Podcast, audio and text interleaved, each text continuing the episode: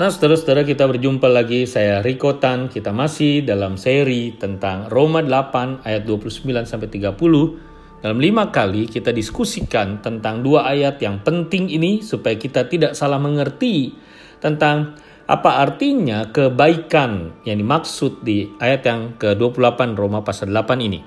Saudara-saudara, masih merupakan refleksi dari buku God's Word for You karangan Timothy Keller saya sebelum bersama-sama membahasnya membacakan ulang Roma 8 ayat 30 yang bunyinya demikian. Nah mereka yang ditentukannya dari semula, mereka itu juga dipanggilnya. Mereka dipang yang dipanggilnya, mereka itu juga dibenarkannya.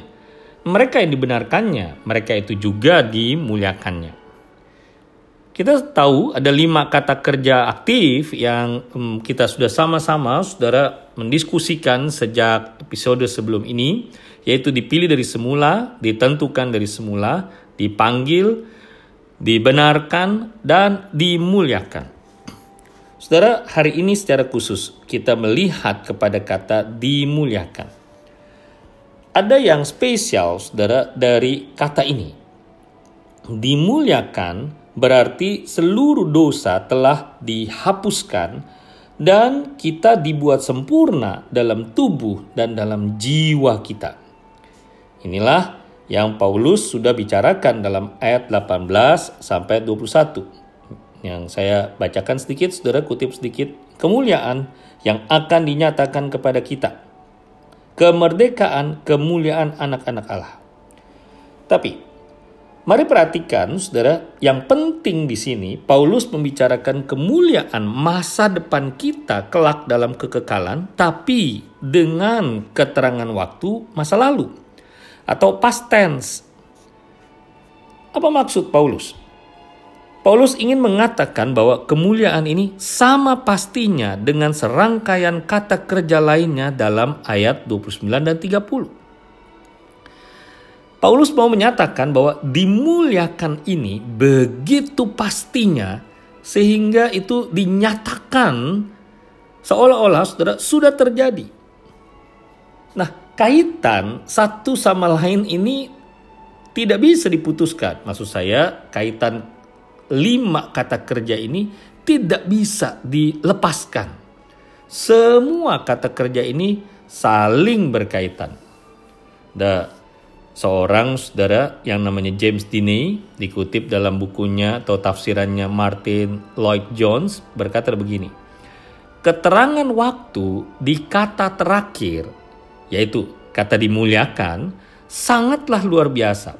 Ini merupakan penantian iman yang paling berani yang pernah ada dalam perjanjian baru. Wow. Jadi, kesimpulan dari lima kata kerja ini bagaimana kita melihatnya, saudara? Sekali lagi, saudara ya, dipilih, ditentukan, dipanggil, dibenarkan, dimuliakan. Saudara, seperti apa hal ini jika dilihat dari sudut pandang kehidupan kita sekarang sebagai orang yang sudah percaya? Begini loh saudara. Orang Kristen telah mengalami pemanggilan ketika mereka mendengar Injil. Ketika saudara mendengar Injil, saat itu saudara dipanggil. Saudara menikmati pembenaran karena saudara telah percaya telah beriman pada Injil itu yang saudara sudah dengar. Sekarang, kalau boleh pakai ilustrasi saudara ya, ini satu ilustrasi mata rantai sebetulnya. Jadi sekarang orang Kristen sebagai orang percaya bisa melihat ke belakang ke mata rantai kata kerja sebelumnya dan mengetahui bahwa jauh atau sebelum penciptaan Tuhan Allah sudah mengasihi orang percaya, orang Kristen sejak semula dan telah menentukan orang-orang percaya ini untuk dibenarkan. Dan sebagai orang percaya, orang Kristen bisa melihat ke depan, ke mata rantai sesudahnya, ke kata kerja sudahnya, dan mengetahui bahwa dalam kekekalan orang-orang percaya bisa mengetahui kemuliaan yang tidak terimajinasikan, tidak terbayangkan seperti apa di dalam hadirat Allah. Jika kita mengasihi Allah, Roma 8:28, kita telah dipanggil. Dan jika kita adalah orang-orang yang telah dipanggil, maka kita sudah dikasihi sejak semula, ditentukan, dibenarkan, dan akan dimuliakan nantinya. Wow, ini luar biasa, keajaiban luar biasa. Betapa hati penuh syukur untuk semua, untuk cara Tuhan menyelamatkan kita. Saudara-saudara, buat saya ini mencengangkan.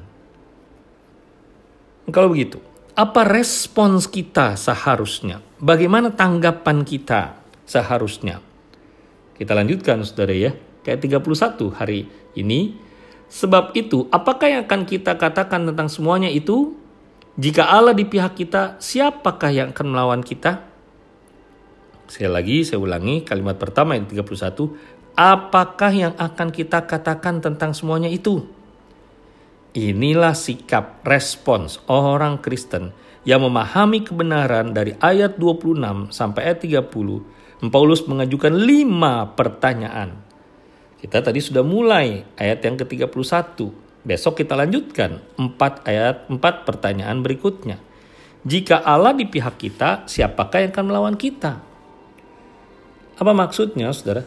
Jika Allah yang bertujuan memberi kita kemuliaan adalah Allah yang maha kuasa, mengapa kita takut terhadap segala macam perlawanan, segala macam musuh, segala macam agama yang membenci Kristus dan para pengikutnya, yang terutama perlawanan dari iblis dengan kuasanya yang mau menghancurkan kita.